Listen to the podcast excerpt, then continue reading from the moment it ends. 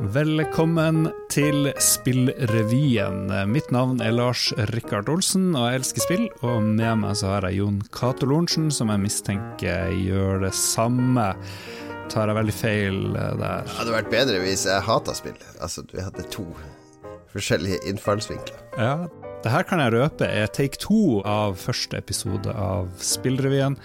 Vi tok opp noen greier her om dagen, det gikk sånn passe greit, men så begynte jeg å klippe, og så sendte jeg plutselig denne meldinga til deg, Jon Cato, du husker sikkert det. Har ikke kommet så langt i klippinga, men synes vi mangler en ekstra dimensjon eller et premiss som kan løfte podkasten dit den bør være. Det jeg innser, er at spillnyheter er stort sett ganske kjedelig. Ja. Hva om å ha det som utgangspunkt? Problemet er jo litt at mange skriver og videreformidler det spillselskapene gir dem. 99% er nå skal vi lansere det her spillet, nå kommer en ny oppdatering, eller at vi har noen nye tall, hvor mange bruker det her, og ditt og datt. Og det er jo ofte, er ofte litt sånn, ja Det er veldig sjelden at de spør hvorfor, eller hva skyldes dette, eller hva fører dette til. Altså, det er vel refleksjon vi kanskje har lyst til å tilføre spillnyhetene. Ja. Nei, så Vi skal prøve på det, da. Og vi blir sikkert eh, Vi skal jo gå gjennom spillnyhetene, og så kanskje faller vi ofte litt i den samme fella, da.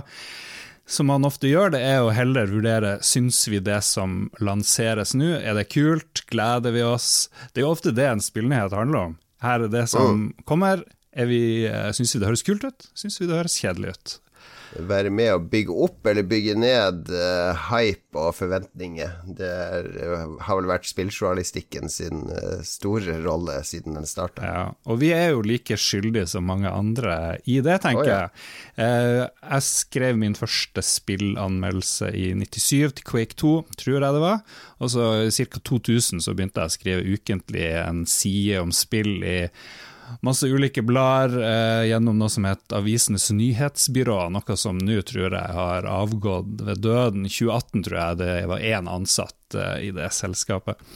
Etter at jeg var i det her Avisenes nyhetsbyrå, så gikk jeg frilans og hadde en 10-15 aviser jeg leverte en side til i uka i mange, mange år. Men du har jobba mange andre steder, skal vi bare ta kjapt hvor du, hvor du har vært? Jo, vi kan ikke bruke en time. Ja, jeg, min første spillanmeldelse som jeg fikk betalt for, var vel Full Throttle på 90-tallet. Som jeg skrev for det som skulle bli Games Domain, en nettside som som ikke fins i sin nåværende Eller den sånn som den var da. Men uh, siden da så har jeg jo skrevet for stort sett alt som er i Norge. Både VG, Dagbladet, Aftenposten. Jeg har vært redaktør i Game Reactor. Uh, og så har jeg også den bakgrunnen at jeg i mange år dekte spillbransjen. For jeg, ja. før finanskrise og mediekrise og alt sånt, så var det også sted og plass til uh, rene næringsmagasiner, altså bransjemagasiner som dekker spillbransjen eller underholdningsbransjen i Norge. Uh, og å dekke spill fra den sida, det, det, ga meg jo en helt annen vinkling på saka. Altså, da var jo spørsmålet uh, det var helt andre spørsmål da man hadde da som journalist i forhold til å skrive bare for sluttbrukere. Ja. Så målet vårt er å lage 20 minutters ukentlig episode som bare sier hei, dette skjedde i spillbransjen siste uke, dette er det vi synes om det. Jo, det høres kanskje veldig seriøst ut hittil, men vi må jo prøve å være litt morsomme òg, da. Herregud. Det to hvite menn i, uh, litt oppi årene skal sitte og prate. Det blir bra podkast. Ja, det er et stort hull i det segmentet. Podcast, uh, jeg så for meg da vi forberedte det her, at vi er de der to karene i Muppet Show, bare minus humoren. Det var liksom min frykt at det her skulle bli. Så vi får se. Prøve å la være til det. Uka som gikk, var, det, var en ganske grei nyhetsuke, syns jeg, alt i alt. Vi kommer til å fokusere mye på det her eh, Game Awards, hvor det var noen eh, kule annonseringer, så kan vi jo spørre oss sjøl hvor viktig mye av det her som blir annonsert, var, da, selv om det var kult. Men først, hva er Game Awards, eh, Cato? Game Awards er uh, et sånn årlig femte året på rad. Det har vært arrangert en sånn amerikansk prisutdeling til årets beste spill. Vil si alt som kom før starten av november. Ja. Uh, fordi det er så sent på året at eh, det er en sånn rar tidsregning. Men for å skjære helt gjennom, det er et sånn super-hyperkommersielt uh, slags fesjå for ja. spillbransjen, der uh, alt handler om å vise reklamer, og alt er lov så lenge noen betaler for det. Så kan du blande Muppet Show og Subway Sandwich og hva du enn vil oppå den scenen, eh, i total sånn derre skamløs eh, Du hadde en bra eh, sammenligning. Du kalte det en blanding mellom Superbowl og Oscar-utdelinga. Ja, det vil gjerne være litt sånn tungvekter som deler ut priser som liksom er spillbransjens Oscar, men så føles det som reklamepausene på Superbowl, der alle har slipper sine egne spillreklamer med kjendiser og, og andre ting. Så det er, det er, veldig langt og kjedelig show, egentlig. Uh, ulidelig langt, egentlig. Ja, er det, er, det, er det, et viktig, det en viktig arrangement for uh, spillverden, syns du? Egentlig er det ikke det. Altså, som uh, et par andre sånne prisutdelinger har litt sånn mer tyngde å få i bokhylla uh, for en spillutvikler, men det er hva skal jeg si, det er, det er så amerikansk som du får det. Altså, det er eh, jeg føler at det er veldig sånn symptomatisk for spillbransjen med at det mangler litt sånn selvtillit. Det mangler evnen til å begrense seg sjøl.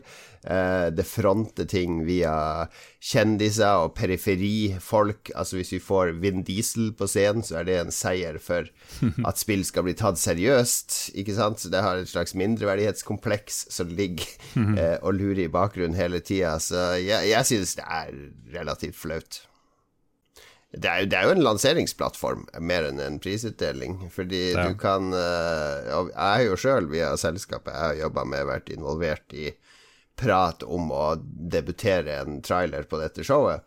Uh, og da Du gjør jo det for å lansere, eller kunngjøre noe. Altså sitter du klar til å liksom selge inn saker til presse i forkant eller under eller etter. Uh, altså det er jo det det handler om, ja. først og fremst. Vi glemte å nevne at du også er sjef for spillselskapet Krillbite, tror jeg vi glemte. Det var hemmelig. Det er hemmelig. ja, dere har lagd uh, Og Magne Sleep og Mosaikk, som kom ut for ja, ikke så lenge siden. Har, så per definisjon så er jeg inhabil som uh, spilljournalist og synser, men uh, mm. Ja, du får ta jeg, jeg informerer om det er konflikt. Ja, gjør det. Gjør det. Ok, prisene Disco Elysium, et indiespill eh, lagd av estiske Robert Kurwitz, fikk fire priser, mest av alle på Game Awards. Det var jeg litt overraska over, og syntes var litt kult at dette er veldig bra. Eh, et slags rollespill, pek og klikk-spill, eh, fikk kjempemye oppmerksomhet på der. ja, jeg, jeg syns også det var, var, litt spesielt at de hylla det såpass mye. Uh, men det var, det var, et par sånne tilgjorte kategorier. Altså Det er det beste indiespillet, men det er ikke det beste spillet. Uh, og det fant vel også to sånne indiespillkategorier, hvorav den ene var sponsa av et eller annet produkt. Så. Ja, det skjønte jeg ikke.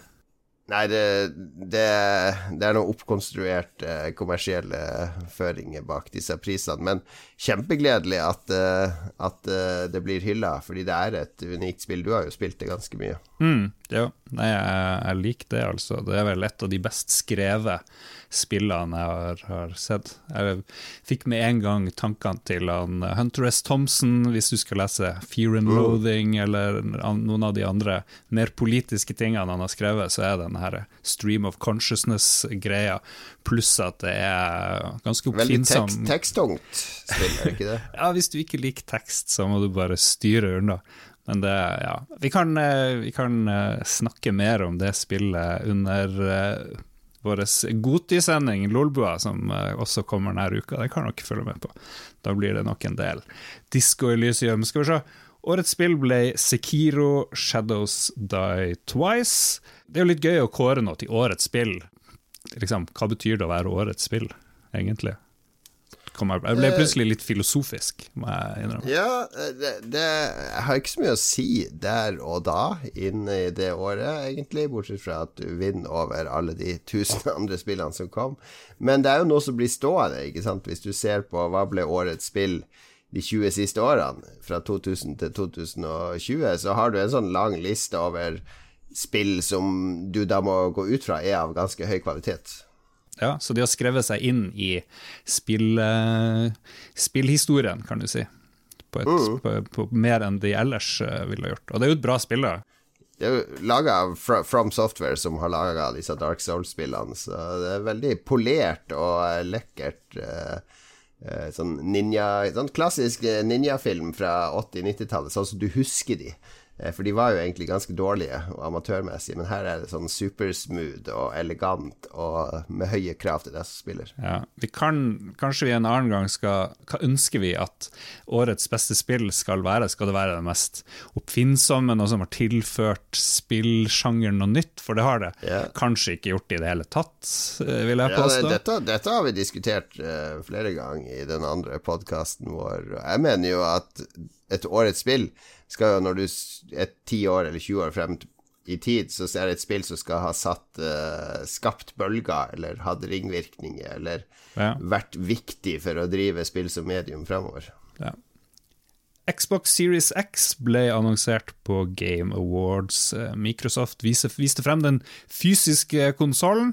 Et sort tårn. Jeg tenkte, hvordan skal vi forklare det for de som ikke har sett det her? Og det er min, eh, min beste forklaring er tenk tre monolitter fra 2001 Space Odyssey slått sammen, og da har du nøyaktig sånn Xbox Series. Det er en bra observasjon, for jeg viste den der uh, pretensiøse traileren fra Microsoft. Det er masse hav og bølger og landskap og sånn. Mm til kona mi, som ikke har noe forhold til dataspill, og det første hun tenkte på, var den monolitten i 2001. Det de har sagt som catchphrase, det er 'powerful'. Det her er 'most powerful', står det på bloggen deres, der de har forklart litt om det her. Hvor de bl.a. sier at den er 100% bakoverkompatibel med spill og tilbehør. Den er fire ganger kraftigere, hva enn det betyr. Kontrollerne er omtrent som før, men har en share-button de har kopiert fra PlayStation 4. Og så viste de frem noe som het Senuas Saga Hellblade 2. Oppfølgeren til et veldig kritikerrost uh, spill, og så kjøpte Microsoft Studio opp. Så de viste oppfølgeren da, kjørende. Og vanlig spilljournalistikk er jo å spørre hvor gira ble vi av det her? Gleder vi oss? Gleder vi oss ikke? Og jeg synes. Vi skal jo ikke være bedre enn at ikke vi stiller oss det spørsmålet òg. Ja, det er veldig annerledes å annonsere en spillkonsoll nå enn det var for 20-25 år siden, fordi det var sånn grafisk kvantesprang mellom spillkonsollene før. Ikke sant, Fra Super Nintendo til PlayStation, fra PlayStation 1 til PlayStation 2, så kunne du bare ved å se på et skjermbilde se at ting var bedre. Og det, det kvantespranget er liksom blitt borte nå. Altså det er ikke noe Du kan ikke si et Xbox One Series X-skjermbilde eller PlayStation 5-skjermbilde og si at det er definitivt ikke et spill som er på forgjengerne. Ja. Så det, det, er vel ikke Den spenninga, den der nysgjerrigheten på hva kan denne maskinvaren egentlig gjøre, den er nesten helt borte fra disse konsollene. Man forventer at bildeoppdateringen er mykere og raskere, og at uh, eh, mhm. oppløsninga er høy, og that's it. Ja, jeg vet ikke om det er fordi jeg er blitt over 40 eller hva det er, men jeg syns jo at ting ser ofte Og jeg er fornøyd med sånn som det er på min uh, PlayStation 4 Pro. Du er jo selvfølgelig PC Master Race og litt uenig der, men jeg ja, ja. Jeg gleder meg til eh, kanskje bare 60 FPS-spill og sånne ting. Og ting loader fortere. Det kan jo bli, kanskje bli den viktigste ja, oppdateringa som kommer. Det er jo de små Altså, det er de quality of life uh, improvements Det ble veldig engelsk her, men altså de små uh, Hello Britain, we are multilingual. Definitivt. Nei, det er disse små tingene som at de skal komme med SSD-harddisk, ha eliminere disse flaskehalsene. Altså det På jobben vår, eh, vi deler kontor med et annet selskap, der spilles det en del Rocket League på en Xbox One. Av den prosessen med å slå den på og komme inn og spille Rocket League, det tar fire-fem minutter. Fordi maskinen bruker en evighet på å bute av en eller annen grunn. Eh, fra du slår den på til du kan starte spillet. Og så må alle logge på med sin profil, som krever passord eller sånn nøkkel eh, og, og, så må de inn i spillet og stille inn, og så er de i gang med å spille. Så hvis de klarer å strømlinjeforme mye av disse tingene Bare se på PlayStation 4, hvor utrolig tregt det går å laste ned patcher eller oppdateringer eller spill. Mm. Eh, hele det nettverket, PlayStation Network, er jo enormt tregt å skulle kommunisere med venner og sånn. Alt dette tror jeg kommer til å bli så mye bedre med den neste generasjonen. Oh. At, at, det føles så tregt og mindre tilgjengelig. Du merka jo det bare du spilte Destiny 2 på, på Stadia, mm. som du prøvde hos meg. Det første du kommenterte, var jo jøss, hvor fort det gikk å loade inn uh, uh, spillverden Absolutt. i forhold til PlayStation, der det går halvannen minutt. Ja, for den, du må jo logge seg inn opp, opp mot CIA sine servere og fortelle hvem er det som spiller nå, hva er det de spiller. Det har Stadia klart mye bedre enn Microsoft og PlayStation. Antagelig. Men jeg føler vel at de som liker Xbox, er gira på den nye Xboxen det de visste av spill Det visste jo ikke noe spill, bortsett fra Hellblade etterpå, men i den traileren til selve konsollen, så var det liksom Du kan kjøre bil, du kan sparke fotball, og du kan skyte med skytevåpen. Som er de tre, de tre mest bunnsolide, fundamentale gamertingene som du forventer at en konsoll skal gjøre. Ja. Så akkurat det, det, var ikke veldig spennende sånn fra et uh, kreativt ståsted. Altså fra, det gjorde meg ikke mer nysgjerrig på hva slags spilleopplevelser nye spilleopplevelser kan jeg oppleve på denne maskinen. Vi kan jo også bare huske tilbake da Xbox One ble lansert. Da de nevnte TV sånn 20 ganger, eller noe sånt. De tabba seg jo totalt ut med Xbox One, som liksom skulle være en maskin du skulle se TV på. Altså det skulle være bindeleddet mellom stua og, og TV-skjermen. Eh, for alt mulig annet enn spill. Uh, og det De skada seg jo skikkelig på det. Det, det var en total feilsatsing. Ja. Visstnok var det en stor intern kamp i Microsoft om hvilken retning de skulle gjøre det fra. Det her har vært helt fra den første Xboxen. Da sto det mellom å lage en TV-applikasjon-boks eh, og lage en spillmaskin. Og da vant eh, Seamus Blackley, Seamus Blackley het han vel, og teamet hans de vant liksom den pitchekonkurransen til Bill Gates og, og, gjengen at ok, vi prøver oss på en spillkonsoll. Og så har det hele tida antagelig vært i bakgrunnen disse TV-folkene som har mm. prøvd å dytte den konsollen i denne TV-eierskapsretninga. Ja, for du skulle, du skulle, bruke Xboxen din like mye til å se på TV og filmer som å spille? Ja, den skulle erstatte din digitale dekoder, ikke sant. Ja. Den du har fra Get eller Kanal Digital eller noe sånt. Som denne generasjonen Vi bruker jo ikke vår dekode lenger. Jeg ser NRK via en app. Eh, alle andre TV-kanaler er irrelevant fordi jeg har strømmetjenester, så så det, det, er en kamp som noen utdaterte dinosaurer insisterte på at TV fortsatt skal være relevant, slik det distribueres nå eh, over kabelnettverk. Ja. Jeg ser at vår ambisjon om å gjøre det her på 20 minutter Den går rett i dass eh, her. Det er vanskelig å gjøre. Men det er jo interessant. Det er interessant.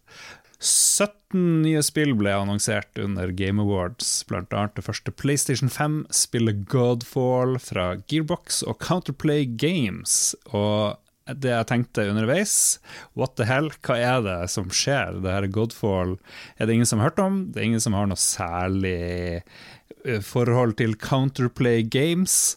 Og det så bare litt trasig ut. Det er noen riddere med store sverd og noe magi og noe greier. Ja, noe Diablo-aktige greier, var vel det vi kan dedusere at det blir. Og Counterplay Games er et lite studio som egentlig kunne ha lagd en obskur sånn samlekort-strategispill uh, før. Ja. Jeg har ikke sett noen spillsider og sånt bare fokusere veldig på det her med hva er det Sony holder på med? Hva, hvorfor, hvorfor velter dere å vise frem et veldig obskurt og ikke spesielt imponerende spill? Ja, dette som er vist frem av Sony, fordi det er ikke noe PlayStation 5-logo i annonseringen eller noe sånt. Det er bare en eller annen har tatt seg til rette her og sagt la oss bare annonsere det til PlayStation 5, tenker jeg. Jeg kan ikke okay. tenke meg at Sony er fornøyd ah. med at uh, Gearbox uh, bare nå liksom har det eneste offisielle PlayStation 5-spillet på Wikipedia. Ok. Nei, men det, jeg tror du har helt rett. Uh, så du noe du likte av de her 17 lanseringstrailerne som ble smurt på skjermen? Jeg prøvde å se gjennom det i, i, ettertid, men det glir liksom over i hverandre, fordi det er mye, mye av det samme. Det, haispillet er det eneste jeg syns er litt uh, spenstig ut. Det ble vel vist frem på etere for et par år siden også. Uh, et spill der du skal Du skal rett og slett styre en hai. Eh, det rett ut fra Haisommer og litt sånn slapstick-komedier. Du skal mm. spise folk og jage båter og sånne ting. Ja. Jeg aner meg at du ikke husker hva det haispillet heter, siden du ikke har nevnt navnet til det. Nei, det, det skjønte Vi kan dikte opp et eget navn. Noe Shark. Shark Simulator. Noe sånt. Noe sånt. Eh, jeg, likte, jeg likte den dansinga i Sons of the Forest. Mm. Oppfølgeren til The Forest. Det er sånn horrorgreier. Men så tenkte jeg Hvorfor er det så lite dansing i spill? Det ser jeg aldri. Det er jo kanskje fordi jeg ikke har spilt de rette spillene, men det, var, det, det, det er jo veldig visuelt og, og kan være spennende uh, i spill. Og mm. Nå tipper jeg det har egentlig ingen gameplay-effekt å gjøre, men det, skilte seg ut. Det var ingen andre, ingen andre trailere med dansing, så jeg er pro det. Kjør på spillindustrien med, med, det. Nok et argument for deg å kjøpe deg VR. Fordi du vet Harmonix, som lagde Guitar Hero og Rockband, de har jo et uh, ganske artig dansespill til Oculus Quest og andre VR-systemer der du skal danse i VR på ulike mm. steder og plattformer. Ok, Du ble 50% mer engasjert uh, for VR. Vi er ferdig med Game Awards. Vi drar til Norge. 69 millioner mennesker spilte norskproduserte spill i 2018. Mm. Det har blant annet Pressfire fortalt oss. Og hvis jeg husker rett, så, så er du involvert. Det var Virke, produsentforeningen ja, Virke, har levert en rapport. Ja. Og, og Krillby Studio, som jeg er daglig leder for, vi er jo medlem der, så vi har jo vært involvert i utforminga av den rapporten og gitt feedback underveis. Men tanken bak den rapporten er jo å bygge opp et, et årlig fundament for tallstatistikk, som da kan brukes eh, av bransjen, av folk utenfor bransjen, til å ha litt fakta om hvordan ståa faktisk er i den norske spillbransjen. For tidligere har det vært mye sånn engangsundersøkelser, eller litt synsing, eller noen estimater. Nå er det faktisk rapportert inn tall fra alle de store selskapene i Norge, så du har et reelt tallfundament her. Ja, jeg ser at ingen, eh, f.eks. Pressfire, de, de, bare rapporterer kjapt hva, hva, som er hovedfunnene i denne rapporten. De har ikke snakka med noen, virker det som. Og jeg tenker Det er ganske mange spørsmål som krever svar her. F.eks. norske spill omsatte for 388 millioner i 2018, mens svenskene omsatte for 17,7 milliarder, og Finland passerte 20 milliarder. Det er jo en enorm forskjell her på utviklinga ja, av norsk og, og, og, den skandinaviske spillbransjen. Hva er det som skjer ja. her? Hva, hva, har vi gjort feil? Vi har jo åpenbart gjort noe feil her. Uh, ja, det er flere flere forklaringer og teorier på hva som har skjedd her. Skal vi Var det 20 minutter vi satte som mål for denne podkasten? Ok, men én ting jeg tenker er hvor mye bruker hjelper den norske stat, spillbransjen, kontra den mm. finske? Det er vel én slags forklaring av mange, sikkert? Ja, det, det er en interessant eh, observasjon. Fordi i den finske spillbransjen var jo like stor som den norske for 25 år siden. Eh, eller for 20 år siden, kan okay. si. Altså Det omsatte for like mye som den norske spillbransjen. Og så hadde du et stort teknologiselskap som het Nokia, som liksom var Finland sin store teknologieksport.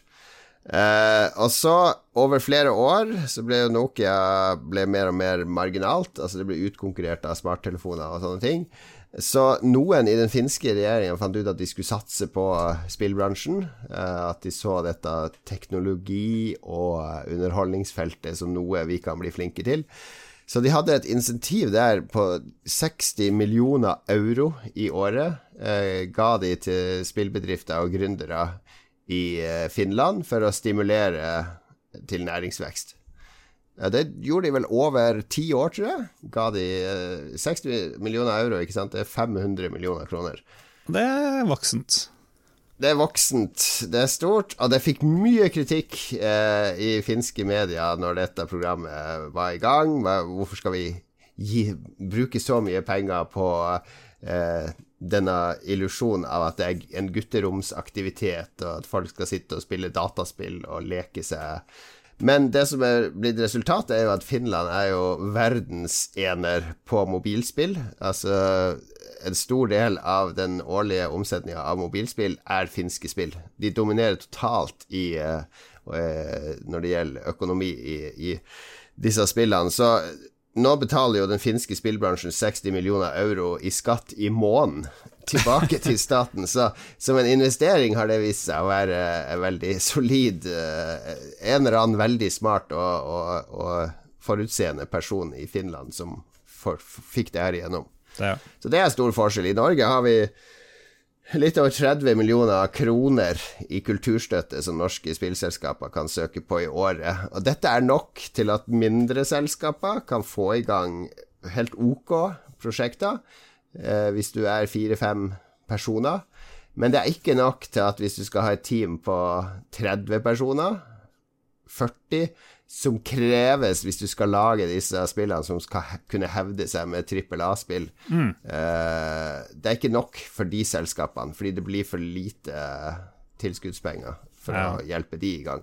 Så du har liksom Du har en starthjelp som er god for små selskaper, og så har du ikke denne mellomhjelpa. Uh, det er vårt argument, i hvert fall. Ja, jo, og vi, vi i uh, Spillrevyen vi heier jo på norsk spill, så vi må kunne være så partisk og si at uh, her uh, Nå må noen gjøre noe. Vi har jo hatt besøk av flere stortingsrepresentanter.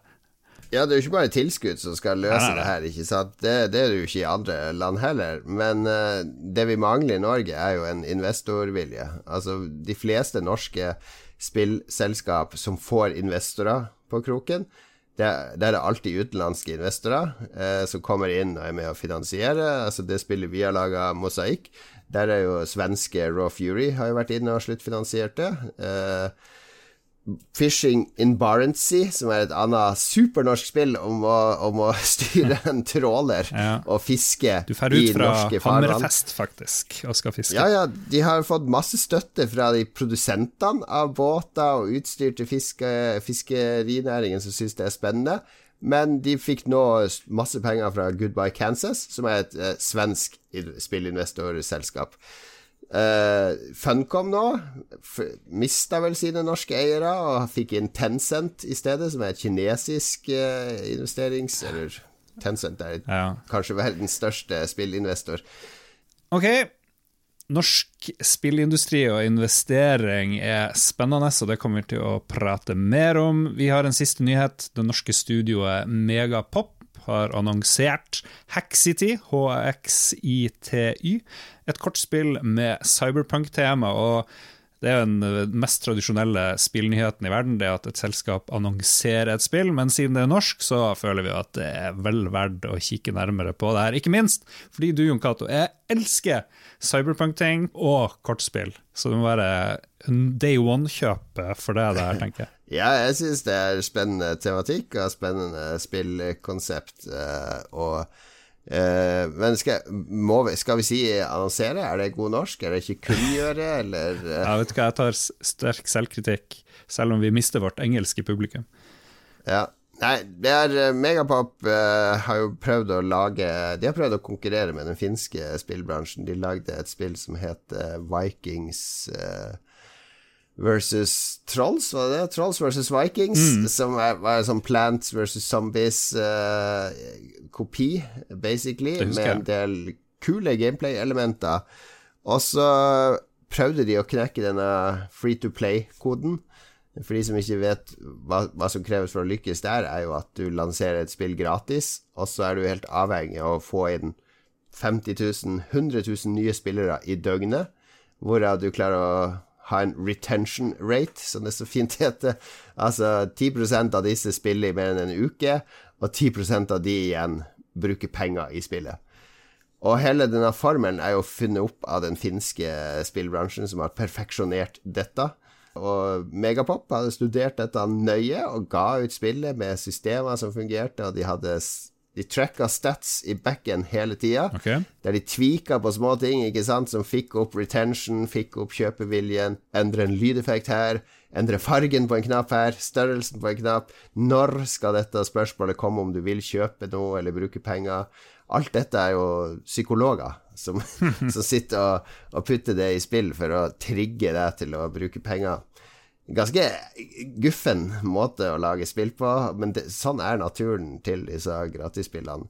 Det Megapop mangla, selv om produktet var bra nok til å kunne lykkes, var så vidt jeg har skjønt, pengene til å få inn nok spillere i døgnet.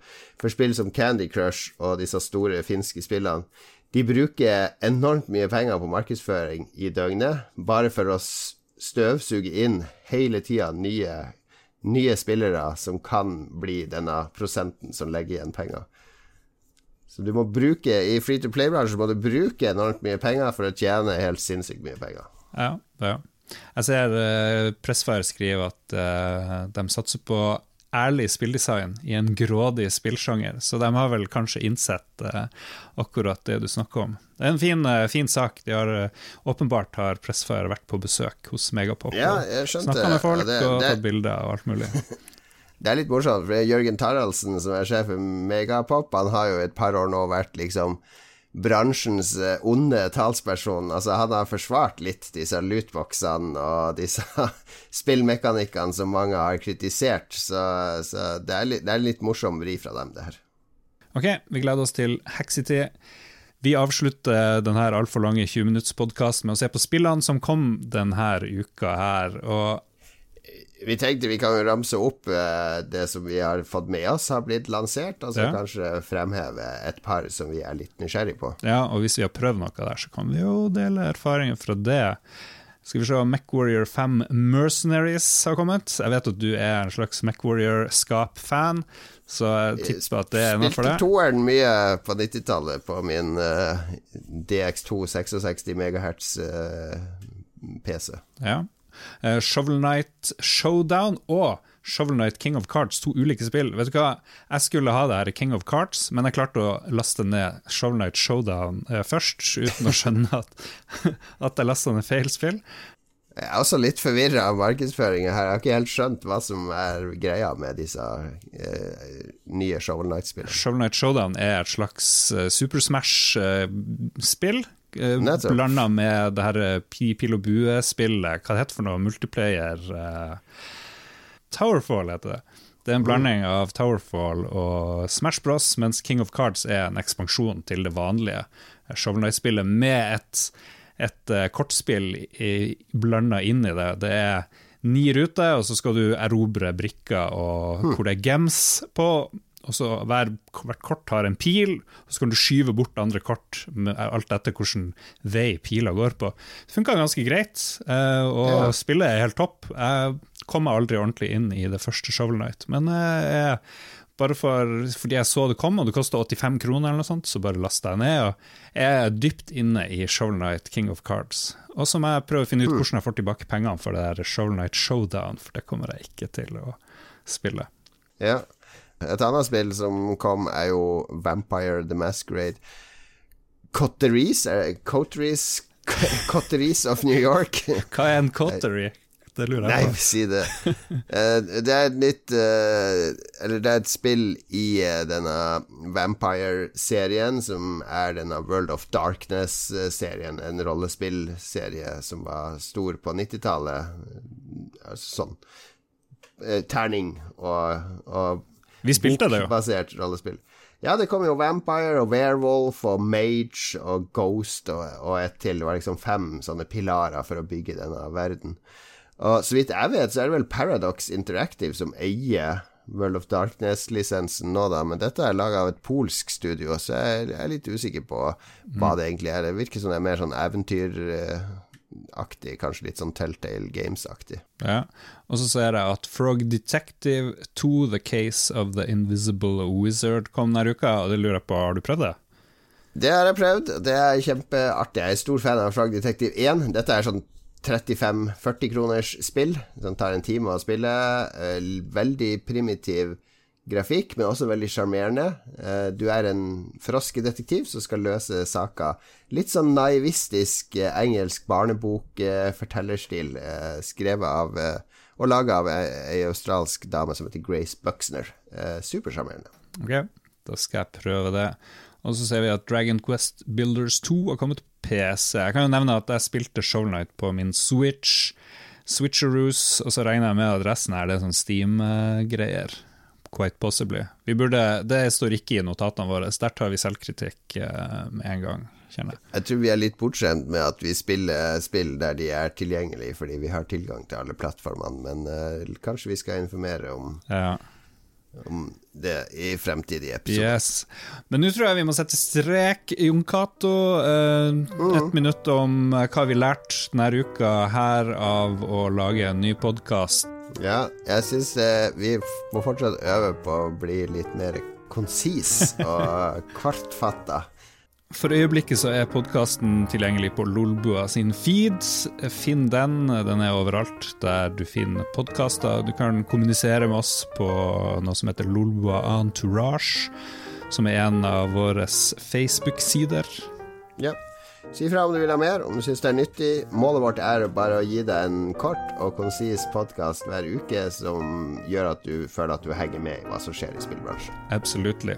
Da ses vi Vi ses ikke. Vi høres. Her har vi mye forbedringspotensial.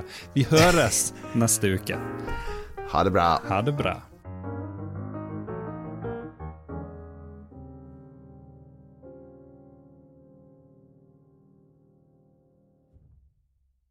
Har du et enkeltpersonforetak eller en liten bedrift? Da er du sikkert lei av å høre meg snakke om hvor enkelt det er med kvitteringer og bilag i fiken, så vi eh, gir oss her, vi. Fordi vi liker enkelt. Fiken superenkelt regnskap.